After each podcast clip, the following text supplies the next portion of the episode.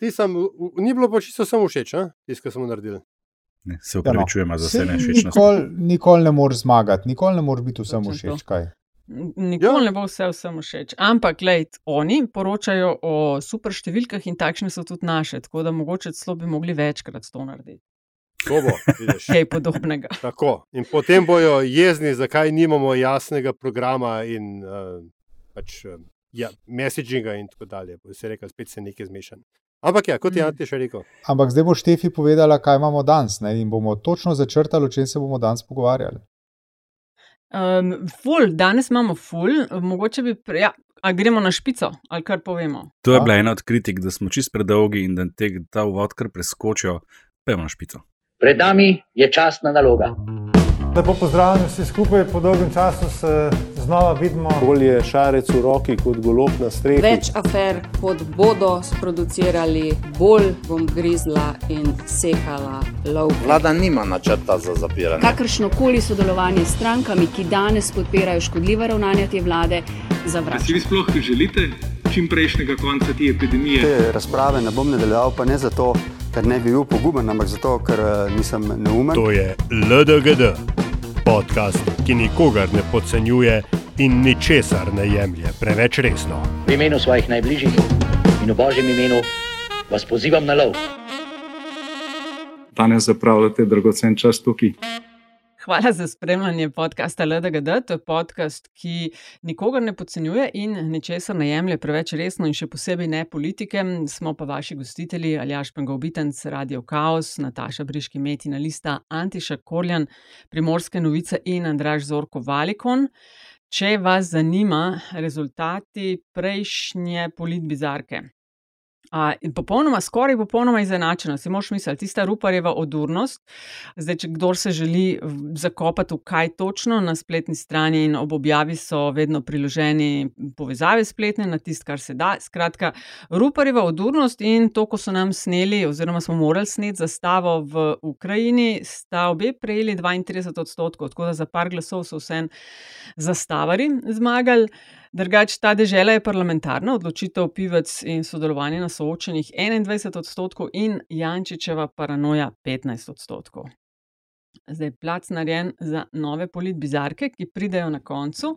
Še prej pa aljaš en kup tem nas tokrat muči, zato ta tudi emergentna epizoda.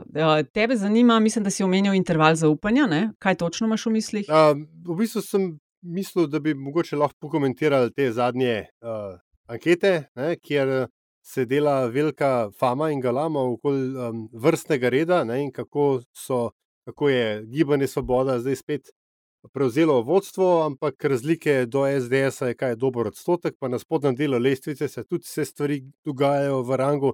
Dveh, treh odstotkov, pa bi mogoče ne, naš rezidenčni statistik kaj povedal o intervalu zaupanja in ali, so, ali je ta vrstni red kakorkoli instruktiven ali pa pač vse izenačeno.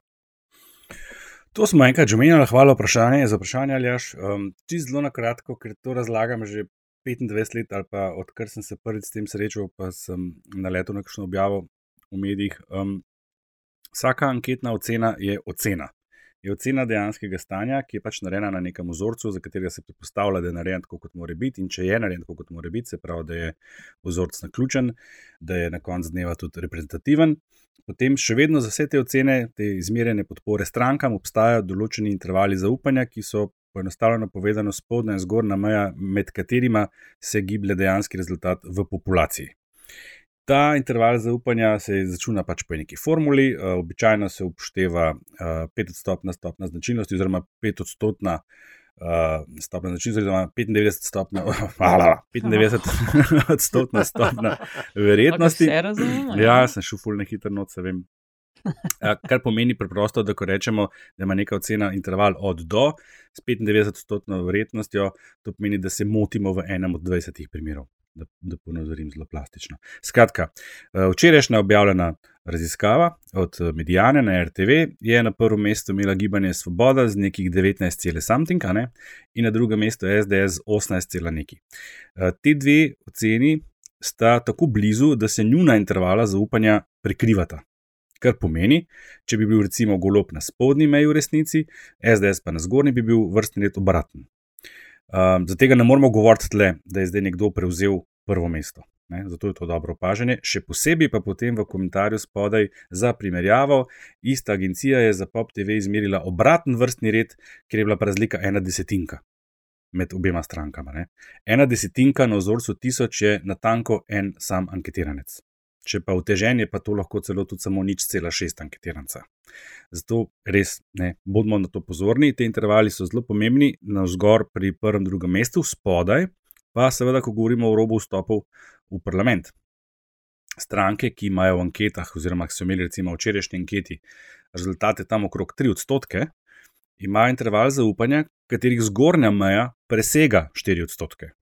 Ne? To pomeni, da so še vedno v igri za vstop v parlament, če zanemarimo vse ostale vplive, ki pridejo zadnji teden, dva. Super. Na tej točki bi sicer pozdravil plavalko, ki se nam je po lastnih eh, zagotovilih pridružila pri peti minuti poslušanja. Tako da, evo, zdaj si zamudila. Uh, hvala, uh, Andraš. Uh, me veseli, da si to tako zelo profesionalno vzel. Hvala za vprašanje. Upam, da je kdo razumel. Ja, ja. uh, ampak um, je pa. V... A, si, Štefica si rekla, jaz ne. Ne, rekla jaz tudi. Upam, da je kdo razumel. Ne, mislim, da je čisto simpel. Jaz zmerjam deset na populaciji. Ne, si že povedal, 8 in 12. To je to. Ne? Da ne nas podcenjevati, si full simpel povedal. No. Čist simpel. Jaz sem zdaj za tistega ponavljal prve letnik na faksu, kjer me da lahko padeš zgolj poštenga. Ne, da, ja, ti si res loser, ker jaz sem pa ta izpit naredil v drugem letniku, ampak nisem pa zaradi njega padel letnika. Niti poštenega. Pogojno si šel naprej. Ti, ampak te ankete zdaj, ta zadnje, kažejo, da na račun tega, vse mislim, da smo v prejšnjih razpravah in oddajah in epizodah že malo govorili o tem, na račun tega, ker golob ohranja ali pa mogoče pridobiva ali pa je tam, kjer je, zgubljata kot LMŠ in pa SAP. A to zdaj. On ne, ne Janša, ki sta na 20, ne Golob, ki sta na plus minus 20, ne bosta nič mogla sestavljati brez vsaj verjetno treh. Najmanj treh, verjetno. Kar pomeni, recimo na strani levo od sredine, poleg SD-ja in levice, LMŠ SAP. Zdaj, kaj bi, ne vem, a vidite, kakšen boj klele, ali kakšen, da bo kdo komu pomagal, ali se bo pobil med sabo, ali kaj vidimo, kleantiša. Um, a zaznavaš to, kak, ne vem, kakšne nijanse, ko gre za komuniciranje eni z drugim. Sicer je Alenka Bratušek na enem od soočen, se mi zdi, požela kar nekaj aplauza za to, ker je solidarno v kup stopila z svobodo, ki nima pravice med parlamentarnimi nastopi. Ja, mislim, tukaj nekaj malega, malega, malega. Um, Tenzi, no, bom rekel. Pa ne vem, če to pravi izraz tenzi. Ne?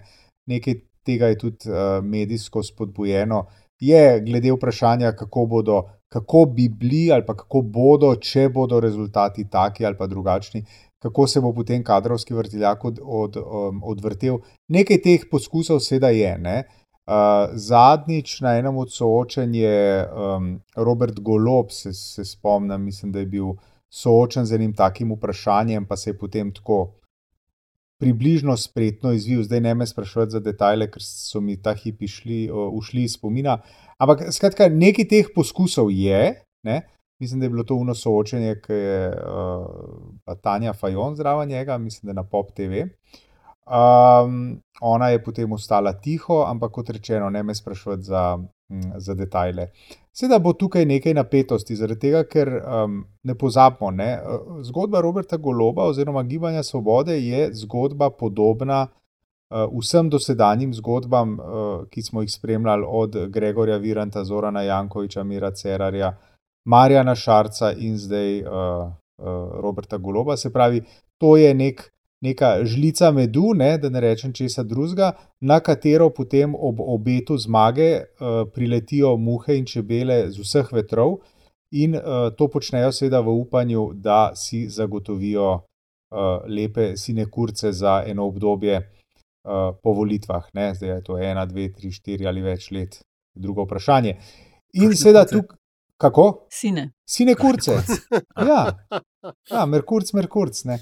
In, uh, um, uh, no, ker si že Merkurca omenil, ja. deseti, peti bo. A res? Tako da smo mi še ok, ja, volite bo šle okay. še gladko. Uh, skratka, um, uh, in jaz mislim, da tukaj pri Gibanju Svoboda ne bo nič drugače. Ne? Jaz sem, mislim, da sem že omenil, če pa nisem tukaj omenil, sem pa napisal enkrat. Uh, najslabša možna usluga, ki si jo je Gibanje Svobode naredilo, ena od slabših uslug, no, tako bom rekel, je to, da so pred kamere poslali uh, Bešiča Loredana, ki je povedal, da sem se zmenil z Robertom, da jaz bom pa zdravstveni minister. Ne? Mislim, to je, to je zelo slaba, zelo slaba, um, kako se reče, osebna izkaznica ene nove, po, po, po rajajoče se stranke. Uh, zaradi tega, ker ne pozabimo, ta isti uh, minister, uh, kandidat za kandidata za ministra se je nekaj že okrog ponujal, pa ni, mu ni uspelo, ne? Pa rekel, bom pa še enkrat. Kjer del se ti zdaj slab v zvezi s tem? To, Mislim, uh, se mi, slabo se mi zdi dvoje. Slabo se mi zdi dvoje uh, in sicer prvo to, da nekdo gre in tako um, prepričano, kot da je zmaga že v njegovih rokah, poje z bom zdravstveni minister. To je prva stvar. Druga stvar je pa to, ne, da se na stranko lepijo ljudje, ki so evidentni koristolo, koristolovci in so to isto karto že poskušali igrati tudi uh, v okviru katere druge stranke ali pa uh, politične grupacije, pa jim ni uspelo, pa so rekli, bom pa poskusil še enkrat. Skratka, ta koristolovstvo se mi zdi zelo škodljivo in zelo, mislim, zelo velik izziv za vsako stranko, ki se znajde na oblasti, da ga uspe uh, zabr, uh, obrzdati. Zakaj si to vprašal, Andrej? Zakaj? Zato, ker se meni zdi pa v redu, mislim, da se vrne koristolovstvo, to, to, to je nedvomno. Ampak um, da pa kandidati, ki so resni pretendenti, da postanejo mandatari, kar golo brez dvoma je, že vnaprej povedo, kdo bodo njihovi kandidati za ministra, s tem pa, po mojem, nič narobe. Fajn je, če to naredijo kandidati za mandatarja, ne pa ne, rekel, oni, ki si želijo biti kandidati. kandidati za ministre. Mislim, jaz, bi si, jaz, bi, jaz bi se recimo lažje odločil za neko stranko, če bi oni rekli, če bomo pa mi sestavljali vlado, bomo pa za tega ministra predlagali to osebo, za tega to, za tega to. Predlagali, seveda. Ne. No, ampak, ne, glede na to, da so, so, so v Sloveniji vlade koalicijske, ne, je tudi tale tako zelo lovska, ne, kar si zdaj predlagal, Andraš, ker to, kar se opisuje, ne, pač um, zelo dobro povzame strči beli pregovor, ne sprema ražen, dok ne uloviš zeca. Kar pomeni, ne samo, da moraš najprej zmagati na volitvah, potem moraš imeti 46 eh, glasov, potem se moraš pa s koalicijskimi partnerji pogajati kdo od njih bo kateri resor prevzel. Seveda, seveda ampak da... kot je rekel pokojni Ivan, na volitve gremo zato, da zmagamo. Ti, imaš, ti greš na volitve s tem, da boš zmagal in, in jaz mi zdi, da, da daje to kredibilnost določenim strankam, še posebej novim, ker spomnimo se, kako je bilo to v preteklosti. Ko recimo SMC zmagala, pa so pa posod in z vseh lukenj okrog iskali in, in, in lovili, kdo bo zdaj ministr za kakšno stvar. In potem pridemo hitro do teh ministrov, in to je bilo in pri Šarcu, in pri Cerarju, da so vstopili po parih dnevih. Mislim, da je bil rekord, je bil koliko tri dni. Uh, ministra za gospodarstvo ali ministrica, se ne spomnim, pravite me, uh, v Cerarjevi vladi 2014. Minister, celo mislim, da je bil minister. samo kandidat za ministra. Sploh ni bil še, ja, sploh, sploh še ni prišel do faze potrditve, pa so ga že morali zamenjati. Veš? In to je en simptom pač teh novih strank, to, to je fakt. Ne? Zato meni to recimo dviguje kredibilnost. Seveda se bojo mogli pol pogajati, to ne pomeni, da boš ti celo vlado sestavil, ampak da ti pokažeš, da ti že danes imaš kandidate za vsako od teh mest, kjer boš potem imel v koaliciji, je stvar pogajanj, seveda. Ampak meni to daje kredibilnost taki stranki. A veš, na drugi strani imaš pa potem te um, uh, na drugem ekstremu, no bom tako rekel. Uh, Máš pa te epizode, ki je enkrat, mislim, da je Borod Pahor opisal, ko je zmagal na volitvah, pa je vlado sestavljal in potem je, potem je moral uh, narediti zelo uh, žalosten in zelo naporen telefonski klic Miti Rotovniku in mu povedati, Miti, ali ne boš kulturni minister, zaradi tega, ker bo to uh, Majda Širca. Uh, skratka, tudi obljubljati preveč ni dobro, zato ker polje. Ja, obljubljati ne. Ja. Bilo bi sporno, če bi bilo rečeno, da bo pa on potem, ko bodo oni zmagali na ulicah, postal vem, direktor na jezone. Ampak, če se vrnemo k osnovnemu vprašanju šefice, ne? to bi rad ja. dodal. Ne? Ti si v bistvu vprašala, kaj si mislimo o tem, teh napovedih, da bodo od spodaj uh, določene stranke um, padle ven iz parlamenta, oziroma da ne bojo presegli roba. Mislim, na robu so, brez njih, oziroma brez še dveh, poleg recimo, da je zdaj pa levica, vsaj po anketah sodeč, no, imate zagotovljen, da ustanota. Jaz sem naredil analizo uh, in sicer sem šel gledati, kakšna je bila podpora strankam KUL. Oktober, novembra, spet ta klasičen uh, pooling, ne vse tri agencije, ker resnice je menda res nekje vmes, nažalost. Um, Koliko so oni izgubili napram meritvam v februarju, marcu, ko je se v anketah dokončno uštoliči gibanje Slovenije. Ta zguba je bila kar konkretna, to je 19 odstotnih točk. Od teh 19 odstotnih točk jih je skoraj polovica prispevala, so jo prispevali tisti, ki so jeseni še izražali podporo SD-ju, ostalo polovico, ostalih 10 pa, pa uh, ostalim trem strankam. Kaj hočem povedati, da ta podpora se je k gibanju Slo uh, Slovenija, Svoboda, prilila iz SD takoj, v hipu, ko se je on pojavil, in tu mislim, da je proces končan. Ker, imajo, ker so že na tistih desetih odstotkih, ki je nekako njihova tradicionalna volilna baza. Pri Levici je dost podobno, ne so tudi izgubili nekaj teh, ki so se k njim, uh, ki so k njim pribežali v bistvu v pomankanju alternativ. Pri ostalih dveh je pa stvar bolj kočljiva, ne samo zato, ker so malo manj izgubili, malo manj so izgubili, ker tudi v osnovi imajo malo manj podpore, ampak predvsem pri LMŠ, ne, ker LMŠ je pa stranka, katerih podporniki pa niso nič drugega kot tisti, ki se res selijo v vse čas, od SMC-ja, pa že prej od Jankoviča in tako naprej. Ne? In tle se pa utegne to zgoditi, s tem, da ta anketa, ki je bila včeraj objavljena, ima tudi to napako, da niso opozorili, da in LMŠ in SAP sta sicer v tej anketi bila teoretično pod pragom, ampak prej omenjeni interval zaupanja ima še vsem, da je možnost, da ostane ta not. Vprašanje se zdaj od teh dveh. Na eni strani, kako se bo golob začel obnašati napram njim. Nekdo je včeraj na Twitterju, mislim, da uro šest jih zelo pametno napisal, ali, ali je čas, da se golob začne ukvarjati z, z prihodnimi ranjenci, ne? da se začne no, posvečati ranjencem. Ne? Kdo bo zdaj tle utrpel škodo, ker vemo, ne? ena taka stranka kot je LMŠ ali pa SAP, ne? če pride not minim, z minimalno uh, podporo, poslanci, so to ja. štirje poslanci manj. Za, oziroma, dva manj za desni, pol pa dva manj za levi na, mislim, znotraj strank, levih strank. Ne? Ampak so to v resnici štirje več za levo sredino. Ne?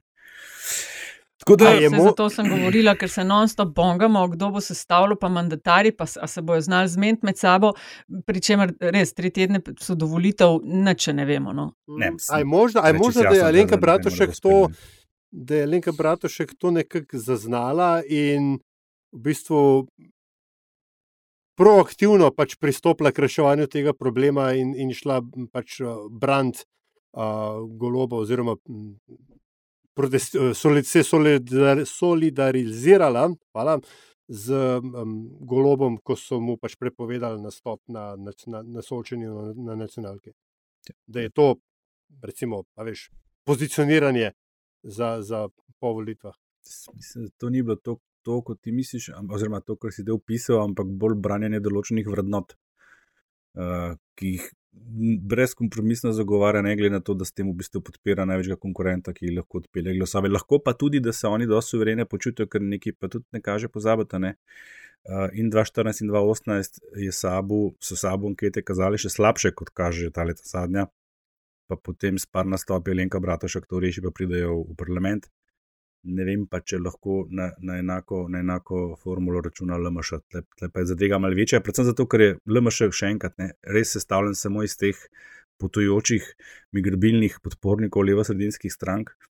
In pa zato, ker na nastopih, oziroma na soočenih nastopa samo šarec, ki pa se mi zdi, da ni tako močen, ne vsebinsko, niti več njegov nastop, sam, ker je pač že nek način preživeti, da bi lahko ta negativen trend uh, ustavil. Mislim, pr, mislim, da je bila zelo dobra poteza, sploh ker je 18 strank ima kandidate v vseh enotah, skupaj bo na voljo 21 list in je na soočenih res težko pride do izraza in da je bila to zelo dobra uh, poteza z njene strani, ne glede na to, kaj je bilo zadje, koliko res v kaj verjamajo, koliko je gre za kalkuliranje in tako dalje. Antiša, si uspel do, do tega dne, ko snimamo, torej 4. april, pogledati, kakšna soočanja, na zadnje še, še nismo bili čist noter. Sem. Sem, Zaradi tega, ker se mi zdi, veš, da, da bodo zdaj pa res igrala počasi ne, vlogo na to, koga bodo ljudje izbrali in koga ne. Um, si kaj bil pozoren na, na sporočila? Um, jaz sem recimo opažam, da na levi strani zelo ponavljajo, kako jih je Janša zadolžil in kako zelo bo težko uh, priti na zeleno vejo, in tako dalje. Ne vem, če je sicer to najbolj uh, super za pridobivanje podpore pri voljivcih, ampak le mogoče pa je to nekaj, na kar padajo. Uh, Medtem ko na desni je veš ponavljanje tega oligarh, pa kako naj bi uh, dobili vprašanja vnaprej njihovi konkurenti na levi, tako kar je ne parkrat soočeni. Ko mal testiranje grounda. Ja, jaz sem gledal ena soočenja na nacionalki in gledal sem na PopTV. Na PopTV mislim, da je bilo eno doslej. Uh, ali se motim? Ne, mislim, da je bilo eno. eno, ja. eno. Mislim, imajo tiste ena na ena tudi posebej. Ampak, ja, ampak v principu ne, sem gledal tako ene tri, štiri soočenja, ja. sem si ogledal. Ja. Um, no, meni se zdi še vedno. Um, Od vseh sporočil, ki smo jih deležni, je uh, sporočilo Janeza Janša, ki ga tam ni, še vedno. In uh, to v bistvu je um, tako dober trik, je to. Ne? To pač moramo Janezu Janšu priznati. Uh, javnost in seveda tudi udeleženci uh, soočen se ukvarjajo z njim, brez da bi on tam sploh bil. In to se meni zdi genialna njegova poteza, je, je, uh, je arogantno, da se razumemo. Je arogantno, je ignorantsko, vprašanje, koliko je dostojno. Ampak ta slika, ki jo on gradi, ne, on ima pomembnejše delo, on hodi v Zagreb se pogovarjati s Plenkovičem o skrbi z energijo in tako naprej. In tako naprej. To so pomembne stvari, nima se on časa. Tem, ko vi tam klepetate, on v Slovenijo. Nima se on časa pogovarjati tam z eno Alenko Bratušek, pa z enim Šarcem, pa z enim Jelinčičem, pa z enim golobom elektrooligarhom, kot mu je rekel uh, Hojs. Uh, tako da se mi zdi, da v bistvu sporočilo je še najmočnejše to. Uh, kar, se, kar se pa tiče tega obkladanja, jaz, jaz mislim, da je tako, da je Dubu, potem ko je imel tak love-hate relationship z uh, Eriko Žnidaršič, Aleš Hojs, ne, ga je zdaj najdel novega, no, novo tarčo in to je, se mi zdi, uh, elektrooligarh, kot mu vam pravi uh, Robert Golopne. In se ona dva vzajemno obkladata tako uh, uh, ljubkovalno, sovražno, z elektrooligarhom in po drugi strani policijskim ministrom. Ne? In to pač gre tako. Zasledila sem Hojsa, Tomc, pa Breznika, zdaj, ki so um, na nek način nadomeščali Janšo. Um, za čuda ni nikjer uh, Anžeta Logarja, zunanjega ministra, pa veliko je neke zunanje, ne? zaradi vojne v Ukrajini. Ja. Uh, nasploh, nasploh, ni, ja. uh, nasploh ni njega nikjer. Na zadnje, ko sem jaz njega videl v kakšni vlogi, je, ko sem bral članek, mislim, da v dnevniku, kako je zablokiral izdajo diplomatskega pasporta Zoranu Jankoviču. Sicer pa dejansko o Anžetu Logarju ni, ni ne duha, ne sluha. Ne. In kot smo tukaj, to pa vem, mislim, da sem pa to pa jaz rekel ne, in se bom citiral. Uh, on je že vse mandat na uh, zunanjem ministrstvu bolj kot ne odpravnik poslov. Vse, kar se v zunanji politiki dela, dela predsednik vlade, on je pa v bistvu razmeroma bled zunanji minister. Sploh če ga, uh, sploh, če ga primerjamo z recimo zunanjimi ministri, ki so imeli neko pojavnost, neko, ne bom rekel karizmo, ampak neko prezenco od Lojzeta Petrleta, Dimitrija Rupla, Zora Natalarja, če hočete, in še koga, ne? imamo zdaj Anžeta Logarja. To tako je, ne, če je šef stranke, tudi tvoj šef uh, vlade. Ampak uh, glede veš tega uh, strategije um, Janševega umankanja na, na soočenih, se strinjam, da je, izvi, da je skoraj izvirno, ne, ampak dajmo ne pozabiti, da je Danilo Tirk leta 2012 ravno tako ubral taktiko, da bo on predsednik najprej in kandidat šele nekje potem dol ne, na prioritetni lestvici. Pa sej dobro, to ni bil edini razlog, ampak se mu ni dobro izšlo. Tako da jaz v bistvu vendar pričakujem, da bo Janša v letu, ne, recimo. Za počakati je, ne, letu, ja, ne? Tako, ja. Ne, ne smemo pozabiti, da so še tri tedni. Ne. Slabi tri tedni, pa da zares sta zadnja dva odločilna, ki štejeta. Um, vsaj doslej se je tako izkazovali. No, kaj pa? Kaj pa tako? No, kaj pa, Andraš, misliš, kaj je res o teh sporočilih? Ker uh, recimo iz levice res poslušam, o, grozno bo zadolženi, težko bo ven splezati. A je to nekaj, kar pri voljivcu fakt? A veš, se mi zdi, da iščejo voljivci vedno nek optimizem. Da to ne gre tako daleč, kot mogoče si mislijo, pa čeprav vemo, da smo zadolženi. Ali pa recimo tudi ta messaging, ki je iz levice in zdaj tako v narekovaju last minute, to z obdavčanjem nepremičnine. Nepremičnine so za slovence, je to svetinja. Um, vsaj izven Ljubljana, ko se pogovarjam z ljudmi, zavijajo z očmi ob tem. Ampak vem, da nismo vsi tudi med nami istega mnenja glede tega, da se komu gotovo zdi, da tlele so pa mogoče vse uh, gre za nekaj, kar bo pridobivanje dodatnih glasov. Mislim, če drugega ne, je to eden od redkih, zelo konkretnih predlogov, ki ga katerakoli od strank v tem predvolilnem času omenja, razdeluje in ponuja voljivcem. Jaz mislim, da naslavlja s tem uh, kar precej velik volilni bazen, v katerem bi oni morali po, po vseh pravilih črpati. Gre za večinoma mlajše prebivalce, ki nimajo ne svojih uh, lastnih kapacitet, ne v smislu uh, stare, podpore staršev in tako naprej, da bi v doglednem času ob teh cenah in ob takšnem trgu, kot je trenutno v Sloveniji, ki je popolnoma podivjan, prišli do, do lastne nepremičnine. Tako da jaz mislim, da to, da jih izven Ljubljane, kjer je večina ljudi, lastnikov dvostanovanskih enodružinskih hiš iz leta 1976, ki so jo zgradili tako ali pa drugače in nimajo tudi približno ne danes denarja, da bi na to hišo plačevali kakšen konkurenten davek, njih niti ne zanimajo, ne, ker to ni njihova volilna baza.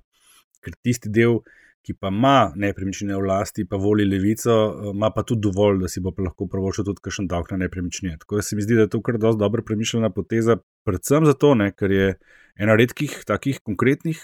In redkih konkretnih predlogov. Ne? Mi bomo tole cilj, do tja bomo prišli tako. In mislim, ker ta nepremičninski trg, to je res velik problem v Sloveniji. In tle ni sam, seveda, problem davka, je še mrske drugega. In le, so ga naslovili, imajo idejo. Je, Jaz bi na tej točki opozoril, oziroma se rahlo nasmehnil ne, ob um, relativno pametnemu in zvitemu, uh, z lepo slovensko besedo, deployanju Miha Kordiša. Ne. Uh, človeka, poslanca, ob katerem na desni dobijo peno na usta, pa še kdo, pa še kdo drug tudi. Ne, um, so ga zelo fino fokusirali na ta stanov, stanovanski del njihovega programa, In uh, Kordiš, ne glede na to, kaj si v njem mislimo ne, in njegove siceršnje ideje o um, upravljanju družbenega, uh, ima to zelo razdeljeno, no, zelo dobro naštudiral in se mi zdi, da je kar, um, ko se temu reče, upoštevana vrednost sogovornik. Da, kdor... Odličen je bil na stopih, kar je treba ja. kar povedati. Tisti, kar je na stopu, se je odličen bil. Kdorkoli ga faše, ima polne roke dela, no, to hočem reči. Mm -hmm.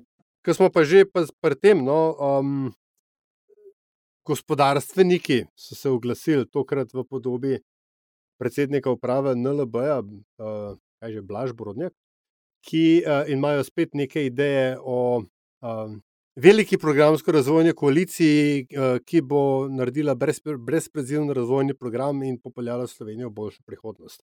A, a se gospodarstvo ni še nič naučilo, po vašem mnenju, o tem, kako kje, kje so prava vprašanja, oziroma kako se v Sloveniji prioritete oblikujejo? Uh, ne vem.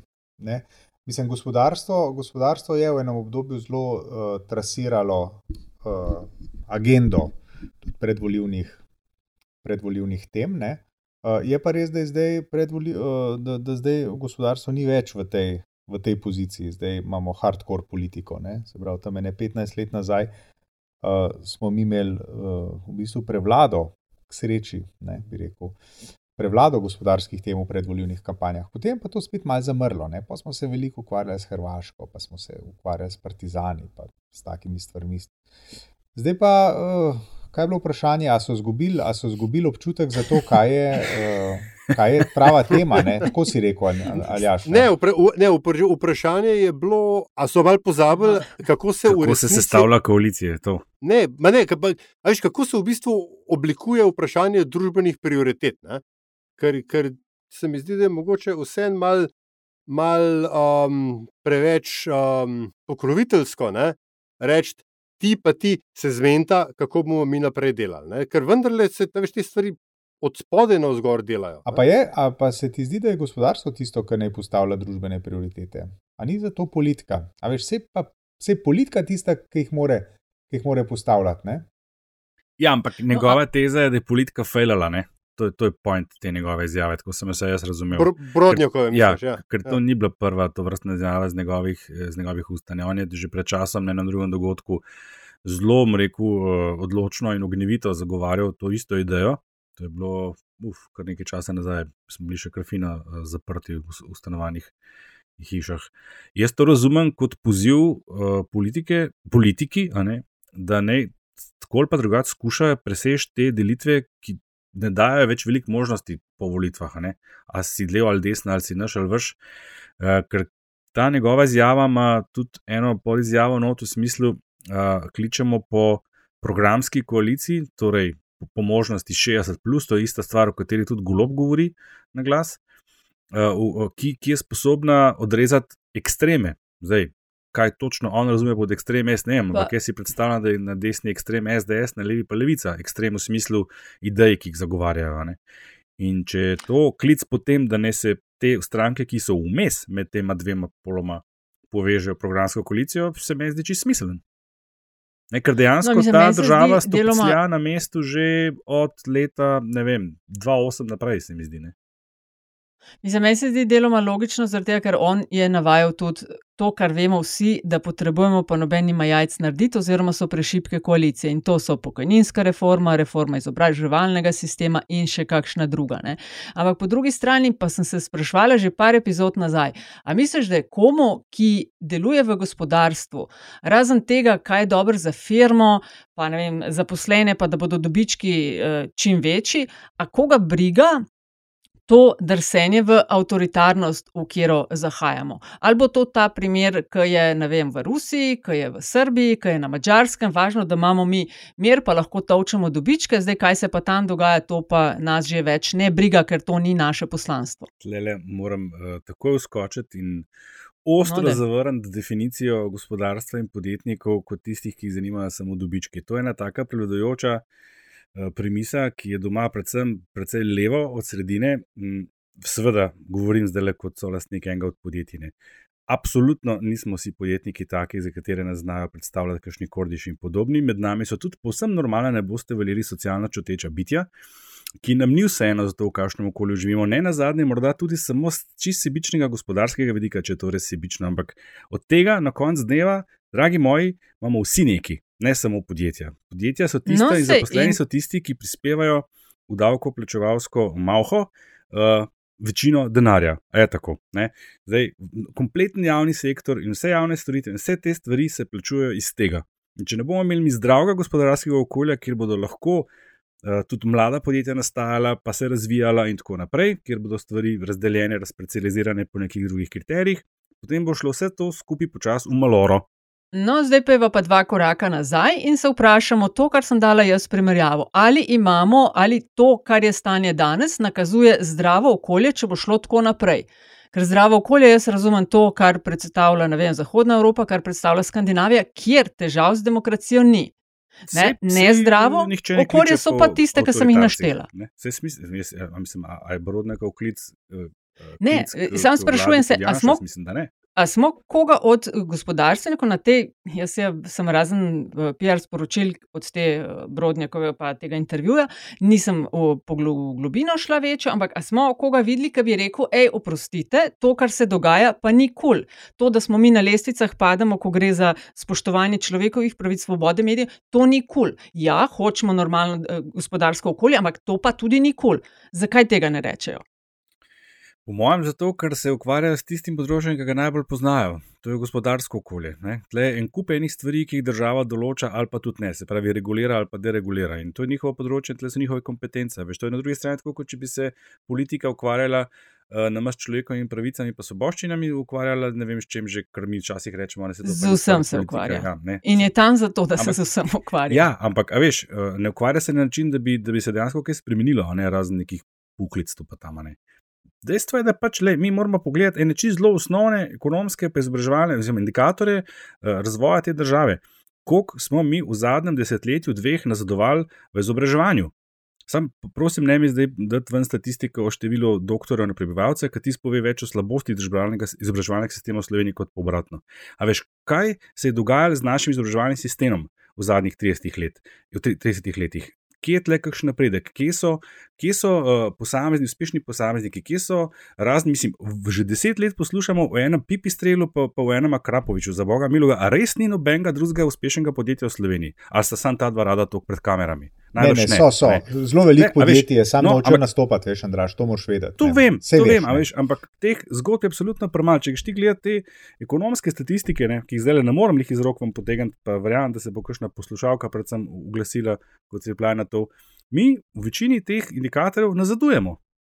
Ne? Mi, smo, mi smo iz leta v leto na slabšem, relativno gledano. Zanče, tale uh, Titeraš, uh, ki je prišel iz Srbije, IT-ovc, kako se mu že. Kako se že imenuje Petrovič, Rodolip? Rodolip ja. Petrovič, ja. ja. Zelo nazorno prikazal, ne, kakšna je razlika danes, pa deset let nazaj. Relativna plača, relativno gledano, razmerje plače danes v Srbiji, pa deset let nazaj. Deset let, deset, deset let nazaj je bila za Srba poprečnega uh, Slovenija Eldorado, danes ni več. Danes je ta razlika tako majhna, da ne bo šlo več v Slovenijo, Srbijo, ampak bo šlo nekam je, drugam. Ne? Naj kar imajo in jo govorijo. Ne, ne razumeš, Tega ne razumeš poante. Poanta je v tem, da Slovenija zgublja relativno gledano prednost, ki jo je imela včasih v teh prostorih. In to je vse povezano s tem, kako se to ekonomsko okolje, začenši seveda z izobraževalnim sistemom, ne razvija. In tle jaz razumem ta klic gospodarstva, ker nam tudi ni vseeno, a veš, da spet govorim kot predstavnik gospodarstva, koga imamo na voljo, koga lahko izpovabimo podjetje, da bo delo, kako izobražen bo tja prišel, kaj zna. No, jaz bi sam tukaj sam do, dodal, ne, da um, to, kar se zdaj um, v tem rentu povedal, se seveda sliši zelo lepo. In bi se človek zelo podpisal, ne, če pač ne, ne bi na drugi strani te enačbe čakal, um, čakala možnost velike koalicije med. Uh, SD in SDS, ker tako si jaz predstavljam rezultat tega, tega eh, poziva, ne? ki pa vemo, kaj se je na zadnje zgodilo. Ta UNRWA še vedno stoji in dela zgubo. Ne? Tako da problem slovenskih programskih velikih koalicij je pač v tem, da je to predvsem program, kako bomo mi bolj obogateli, gospodarstvo pa.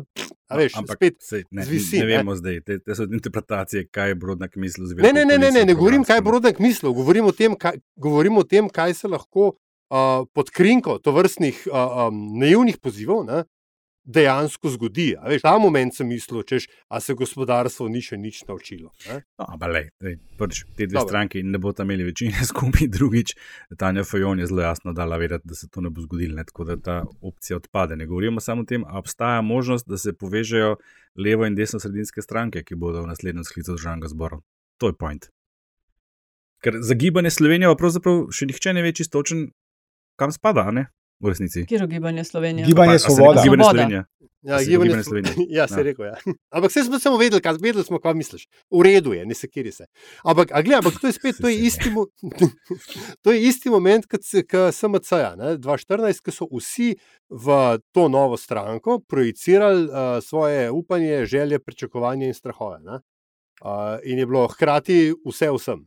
Da... In mogoče so strahovi povezani s bodočo koalicijo in z gibanjem Svoboda v prihodnem držav, sklicu državnega zbora, povezani podobni strahovi, ki izvirajo točno iz te izkušnje. SMC je imela neverjetno zgodovinsko priložnost z rekordnim številom poslancev, da bi se stavila tako imenovano veliko koalicijo. Ne? Pa je ni. Je bi ga sad. Ja. In vemo, kako se je tista stvar končala. Ja, se res ne, štiri leta se nismo pogovarjali prav veliko o kulturnem boju, pa o ideoloških vprašanjih, kar je kar pasalo, malo počitka, ampak v tistih štirih letih se ni zgodilo nič, to so bila štiri zamujena leta. Koliko mislite, da ljudje vejo, kdaj so volitve? Danes smo, smo rekli tri tedne pred volitvami. Ja? Ko se pogovarjate, vsi vejo, kdaj. Ja, jaz mislim, da ja, ja, to vejo, to vejo. Ja. Okay, alo, ne, ne pred praznikom. Pred prazniki, ja, tako je. Pred prvo ja, majskim. No, no, ne vejo. Ne. To smo mi, ta mehurček, ki mislimo, koliko zelo spremlja, pa te intervali zaupanja, pa koliko kdo uh, je insider.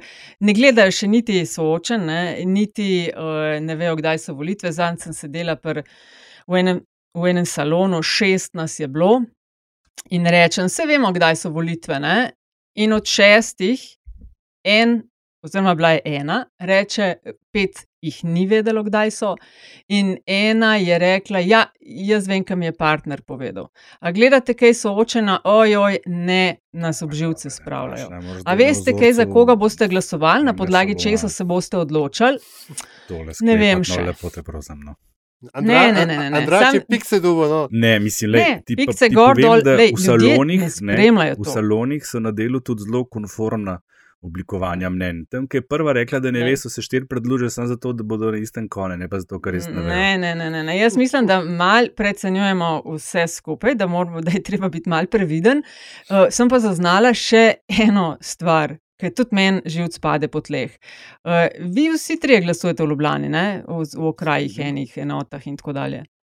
No, razen, veste, kad, so glasujem vaši- iz tujine, ne? ampak ja. Ja, ja, nima veze, ampak pač zbiraš tisto, kar je tam na voljo, ne? kjer stalno Tako, Okay. A veste, kje so kandidati? Ker namreč jaz sem šla podrobno, mislim, da sem v eni od prejšnjih epizod omenila, da imam Simonoviča, ta, ki je iz Desusa prestopil v moja dežela, da ga imamo kot čev. Zdaj on je iz Izola. Ne? In za že malo bolj podrobneje gledati, koga sploh bom jaz imela, ki spadam pod Ljubljano, Bežigrad enoto in okraj Kočeve, koga bom imela na voljo.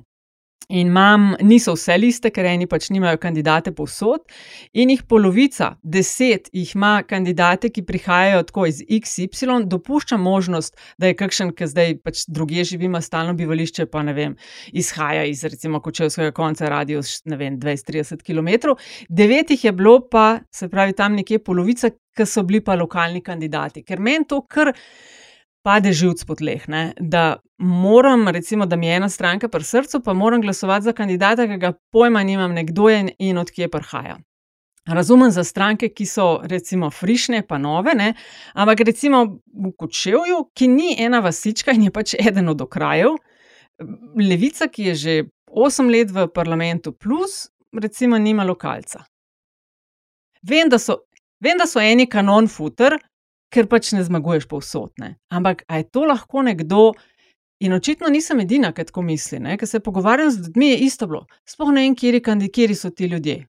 A je to tudi v salonu? Kdo so ti ljudje? Ne, Ne, lej, ej, ne, nekaj, vas ne, to ne moti? Ne, veš kaj? Ja, nekaj mi povej, nekaj mi povej. A je Kočevje mestna občina? Ne, Lej, seveda ne. ni ne. mest- Mestna Ni, ne? občina A, je- a je Krško mestna občina? Je. Je, ne? Torej, kdo je kaj zdaj mehna vasička? Skratka, A so Domžale v mestna Krškem občina? vsi vse poznajo. Mal te heca, mal te heca. Ne, glej, Ne, sej, sej, ne. Ampak a, meni res to pade živce. Ne, ne, glej, no.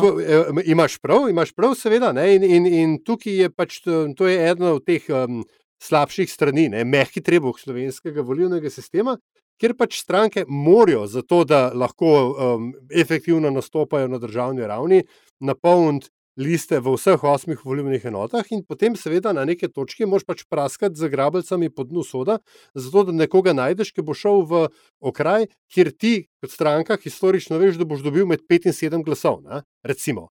In je, uh, tako da to so pač te dosti neugledni kompromisi, in se ti, ja, seveda se ti zgodi, da nekdo, ki je iz Ljubljane, ne vem, iz Viča, ne, nastop na. Uh, Mislim, kaj bo Simonovič, Kočevje. kdajkoli, če bo izvoljen za našo deželo, lahko, mislim, naredil za kočev. Mogoče niti v kočev v življenju ni bil. A- se zdaj sej- kočev, lobby karkoli Ja, drugega. vidiš, to klepa na robe razmišljaš. Ne? Niti poslanc, ne. poslanc ne bo za kočejo naredil nič. Poslanec ne bo No. tudi nič naredil za okraj Šiška 2, a veš, ker sem jaz. Lej, ne. uh, jaz ga imam noter kot svojega predstavnika oziroma Ne, predstavnika. ni, Hočem, ni, ne, ni, ni. je. Vseh, ne, ni vseh 90 poslancev so tvoji predstavniki. Če ti imaš ti problem, Le- pokličeš v poslansko skupino stranka, ki jo, ho- ki jo hočeš nadred, se najprej zdereš na tajnico, potem se zdereš na sekretarja poslanske skupine in potem na prvega poslanke poslanca, poslanca ki pride. Ne, njim. se ne strinjam in komaj čakam, da bo imela opcijo, tako kot na evropskih volitvah, tudi na parlamentarnih preferenčnih. Preferenčni To je drugo. To glas. že enkrat rekli.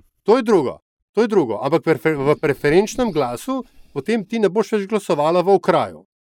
Razumeš? Ampak Te ravni so- Te stranke na, ravni cele tako, države. ali pa, ali pa vsaj, ali pa vsaj enote. Ne? Ampak, veš, tako da, Mm. te okraji so mal fikcija, ker se zdi, kao, da ti zdaj moraš za nekoga glasovati in, in, in tako naprej. Se V tudi resnici- nimajo svojih poslanskih Mislim- pisarn, a ne v kraju, kjer so izvoljeni. Uh, Na- veš na kaj imajo? Jaz ne vem, o čem govorite. Imajo, recimo, jaz sem v Škofiloki, ima tukaj poslansko pisarno Kordiš, jo videvam skoraj da vsak dan, in tudi v Kočevju imajo, ima kandidat, ki je recimo Predrag Bakovič, SD, se ga tudi da nekje obiskati. Ne? Tako da ni čist, da so detached. Vse lahko, če ne drugega, je pa so kakšni sestanki, ki se tam delajo, ne? so obiski občin.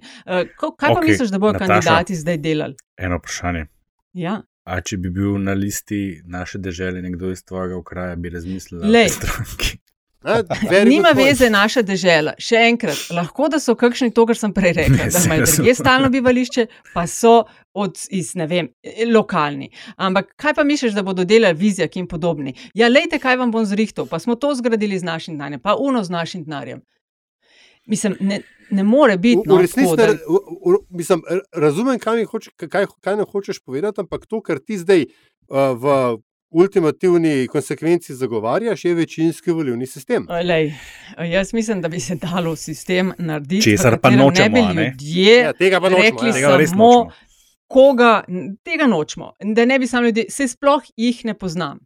Fuck off, naj pa stranke najdejo kandidate iz lokalne, ker jih je tri četrtih itek kanon futer, še več. Ja, seveda, pa sej, seveda so kanon futer, ampak, ampak to je nekoga, ki ga bom poznala. Ja, mislim, zdaj, ali bomo. Mislim, to vi ste ljubljančani, vi ste ljubljančani, preserancija. Ljubljana je preserancija. Kakšna preserancija? Dej Oprosti, no. Dej nekaj, no, dej. A dej nehi. No. Lej, zdaj sem odprl, odprl sem okraj, okraj Šiška 2. Ne? Od 19 kandidatov in kandidatk poznam na poimenu Tanja Fajon, Mašo Kocipar še iz časa Ljubljanskega mestnega sveta, pol pa dolg časa noč in potem sem slišal za Davorina Kopšeta in njegove izbluke na Twitterju in pa za Ivana Galeta. Od 19. Vse ostalo pojma nimam, kdo je to. Razumeš? Tako da, ne, ne ti zdaj meni, kako stekle Boga. Ne? In a- Ljubljane. a, a, a, a, a je, Antiša, a bo, si še a? Ja, ja, ja. Ja, gremo mi dva na Emperu, mis? ne rabite, vidva povejte, ali vaju to moti. Um, ja, mi dva sta ogorčena nad tem. Še No, posebej. Andraš. Case closed. Povej, zi, povej. ne, mislim, me, jaz ne vem, kako naj to povem. Pač, jaz, jaz vem, ne, razumem ta sistem, kakšen je. Vem, da tisti kandidat, ki je tam gor, ni tam zato, da bo mene osebno pripričal, da bo most čez Glinščico tam le drugačen v naslednjem obdobju, ker za to bo poskrbel Jankovič. In se zaradi tega ne razburjam, se pa zavedam vpliva tega, to pa je mogoče tudi pomembno momenta. Mi več čas podarjamo, da najbolj eh, zanesljive napovedi, pa tudi te bo letos res težko narediti, še enkrat, eh, bomo dobili šele z zadnjo meritvijo, ko bomo vključili not liste, kjer, kjer bo pri nas anketiranc dobil uh, izpisano tudi ime konkretnega kandidata, ne, kjer bi v tem primeru Nataša, zdaj seveda naša dežela zvizel, zvisela za njen glas. Ne, in, in tle se bo šele videl, kdo bo res. Ni še ne. odločeno. Veš, ne, ne, ker to je, ne moreš, ne moreš voliti predstavnika, ki ni iz tvoje občine, pa ima črnogradno na primorskem, na lepote. prosim. Uh, v glavnem, uh, to so pomembni elementi, sploh pri novih strankah. To smo že takrat, 2011, spomnim, opozarjali in je tudi tam vpliva, je bilo nekaj vpliva, veš, ker je nekdo rekel, jo, čakaj, čakaj, jaz bi volil, ne vem, kaže, za res, pa se je pojavil pa Lado Leskovar v centru, ne. Pa, pa so E, šli tako. lasje po konc, ne. Kakšen Lado Mhm. Leskovar E. zdaj, ne, naprimer, ne. Tako da to No. je pomembno vprašanje z vidika vpliva na rezultat, se strinjam. Drugače pa zato, Lej, Nataša, ti povežemo Slovenijo. Pač Komu raste? spremeniti, ne. Povežimo Slovenijo, raste ne? in kaj so oni štartali? Ne? Lokalni kandidati in seveda Ja, imajo to SLS in seveda. uno. Se, No. Ampak to je, to, je, to je normalno, mislim, se to ne. Kaj, ne vem, kaj Ja, ja, narobe s tem. Jaz sem odprl prvi volivni okraj četrte volivne enote ne, in sem seveda videl, ne, za koga zdaj le Nataša v resnici navija, zelo potihem. Ne, Za koga? Za Simeta. ne klele vidim, Grega Gospr, tep kandidat. dej, ali jaš, dej mi link, da pogledam, kam imam pri sebi. Jaz, jaz moram priznati, da Ja. prej, prej sem se včlanil v en spletni panel, jaz vem, pika si. Koga zanimalo. Antiša bi polit bizarke. Dej, Sploh, dej, dej, nisem, je? sploh nisem vedel, kje je volilni kraj spadam, Madonna. Ja. Ne, A- samo a še kaj to, pred, ovce, pred, pred, pred, ja. ne, pred politbizarkami, bi, ko si omenil Lado Leskovarja, ne, mi je um preskočil na eno usporednico iz leto, eh, z letošnjih volitev. Namreč jaz sem pričakoval, da bo SD mečkam bolj igrala na Jonasa Žnidaršiča, ki je prepoznavno, Aha. prepoznaven obraz. Ne. Zdaj povejte mi, mi po, povejte mi vi. Ne, A ga samo jaz pregledujem, ali ga tudi vi ne zaznavate kot eh, nekoga, ki je medijsko spreten, prepoznaven in tako naprej. In tako naprej. Lej, če bi ga dal v kočevje, Dobro, je, si vse povedala. Politni bizarci. Zamera proštefici, naša že dežela, polomil ste ga na celi črti. Ja. ne. To je zdaj, za njih ste zdaj njihova dežela. Ne, jaz ga nisem, uh, Antiša, nikjer ga nekako ne opazim. Ne, ne. ne vem pa, ali je tudi res manj Ja. aktiven. Ampak ja, jaz sem ga glih včeraj, sem ga nekje zaznal, sam zdaj pa ne vem, ali je bila to a, a je bil aktivni sodelavec ali so ga pač nekje natikali. Ampak on kandidira pa sebe doma, ne, če, če smo že pri lokalnih kandidatih. Na Viču, ne. Ja. On je Vič, Vič Rudnik 3, vrhovci, to je to. Uh, Preden gremo na bizarke, a, je, a se vam zdi to, da OVSE pošilja opazovalno misijo uh, v Slovenijo izraz nezaupanja slovenske demokraciji, je to uh, rutinska preiskava ali kaj tretjega? Ja, mislim, ne vem. Uh, vsekakor, uh, karkoli je že odgovor na to, je uh, v pravem trenutku dozorela odločitev o tem. Pa če tudi nas je samo žreb, uh, uh, žreb jim je namenil to no, vlogo v slovenski. Je to na ključni izbira ali je. Postopka ne poznam, postopka ne poznam. Prihaja z namenom. A kdo, A kdo pozna postopek? No, Štefica, ti to poznaš? Mislim, veš kaj, Štefica pozna samo toliko, ker ve, da Štefica je čist pred leti neke izpite delala za opazovalko in nekaj, nekaj v tem kontekstu. In odtlej dobiva vabila za opazovanje volitev v svakojagih državah. Skratka, ne gre za kar želijo eni prikazati. Eh, o, taka kriza je v Sloveniji, prihaja ovse, ne, ker nas mora nekdo gledati, da bo vse po regalcih, ker so te um, ovse zastopstva po vem, Ameriki, Franciji, Nemčiji, vseh možnih državah, ni toliko zelo. Ne vem pa, koliko. Za koga globoko gre, ampak mislim, da um, mora tudi biti neko vabilo. Mislim, ne vem, če more, no, ampak uh, da obstaja neko, seveda, pravilnik, kaj in kako, ampak ni pa po defaultu že ker je pri vas kriza, gremo k vam, ker so bili, ne vem, Francija, Amerika, kot sem rekla, v razvitih državah, kjer recimo, da naj to ne bi šepalo. Um, edino, kar sem mogoče mečkan zastrigla z ušesi, je bilo pa, da se je državna volilna komisija, da je posebej izpostavila to, pozdravila odločitev o napotitvi misije OVSE. Tako, mal en, en dodaten stavek ali pa objavo so dali v zvezi s tem, kar ne vem, če je čist bila potrebna, pa mi je dala mal nekaj drugih občutkov. No, kakorkoli že, če se ponovim, ne prihajajo v pravem trenutku. Se mi zdi, da je to pa treba reči. A, definitivno. Uh, sploh glede na uh, zadnje tvite um, ljubljenega vodje o tem, kako, uh, ki namigujejo ne, na to, da ne bi bilo pač. Um, Da bi se delalo na že, nelegalni kampanji, in tako dalje. Um, jaz, jaz dejansko se ne, tako malo bojim tega, da bi bil rezultat um, osporavan, ne, če ne bi bil ustrezen v, v navednicah.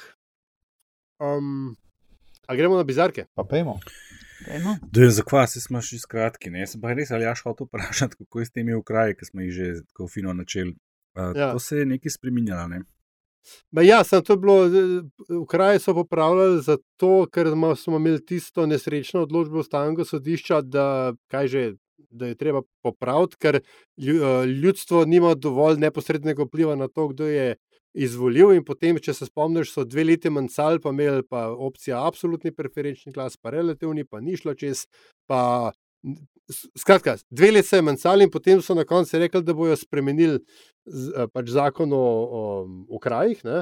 Um, kjer ne bi to kao zdaj bilo boljš narejeno, ampak to so kozmetične spremembe. Veš, dokler ne bo ustavno sodišče reklo, da je tudi to neustavno, če bo to reklo, ne, bo to volalo. Ampak v resnici pa to, kar je veš, Nataša rekla, če mislimo imeti kakorkoli bolj reprezentativen volivni sistem, potem je treba iti v smeri takega ali drugačnega preferenčnega glasu. Ne.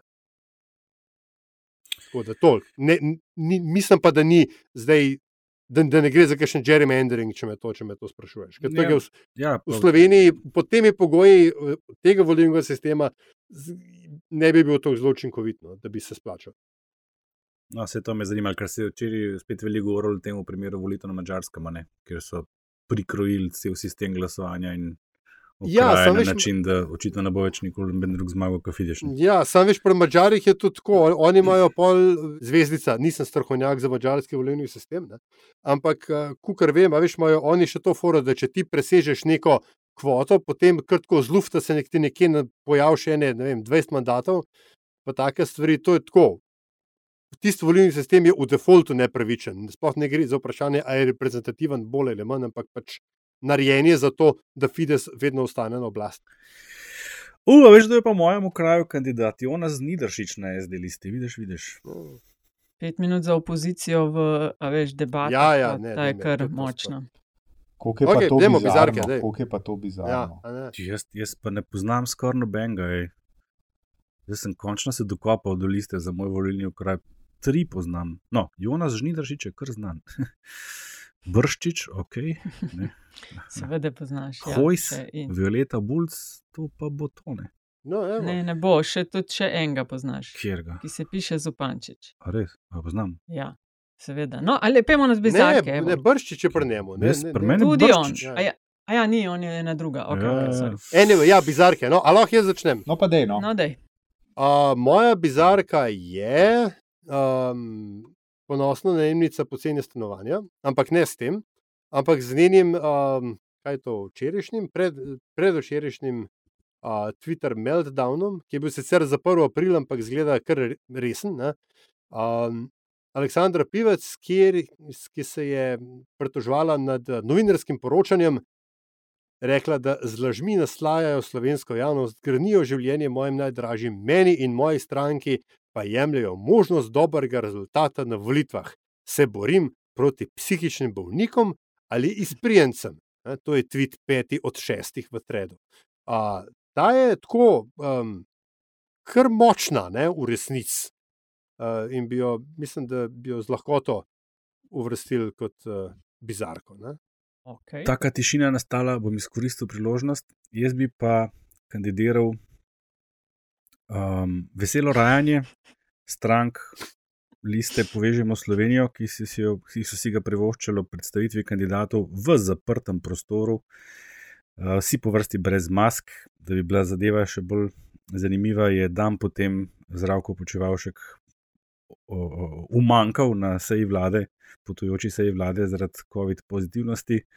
E, in k temu bi dodal še eno veselo rajanje, ki se je spričo mrzlega vremena predstavljalo pač v šotor, ki pa je, lej, je bil zaprt z vseh strani, spet zaprt prostor eh, NSI, seveda tabor NSI.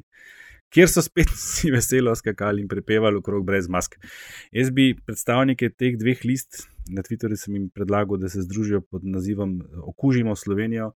Maske so padle, uh, opozoril, da je nošnja mask v zaprtih javnih prostorih še vedno obvezna, da virus je še tle, da ljudje še vedno umirajo in da UKC še vedno ni na 100% rednih operativnih posegov, zaradi tega, ker je virus še tu. Okay.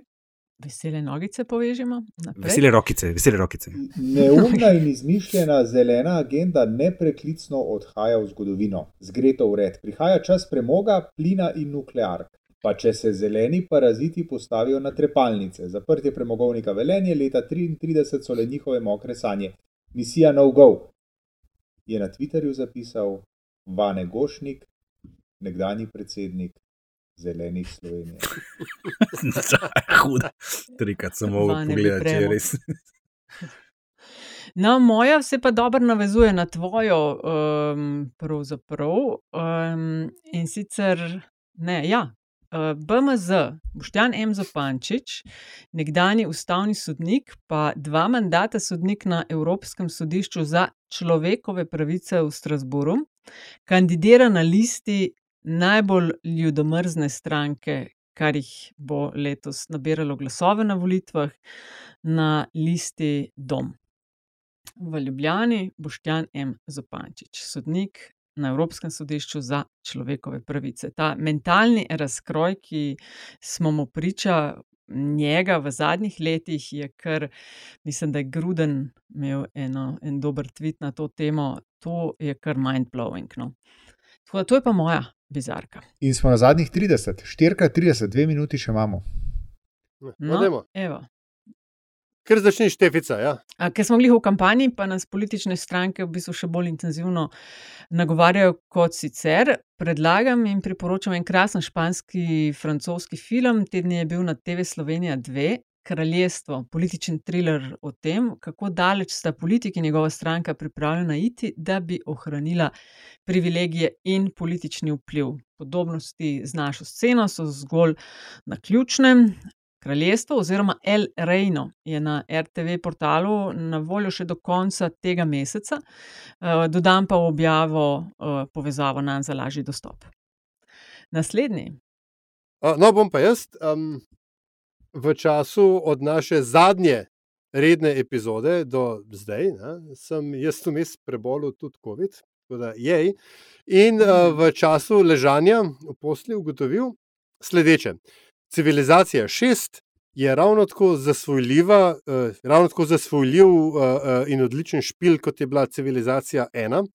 Um, mislim, da sem od jutra do mraka ležal tam, se smilil samo sebi in poskušal premagati vem, Grke ali Francoze ali kogarkoli že. Uh, do točke, ko sem bil potem tečen, ko sem moral ugasniti. Tako da uh, toplo ne priporočam špila, razen če res veste, kaj delate.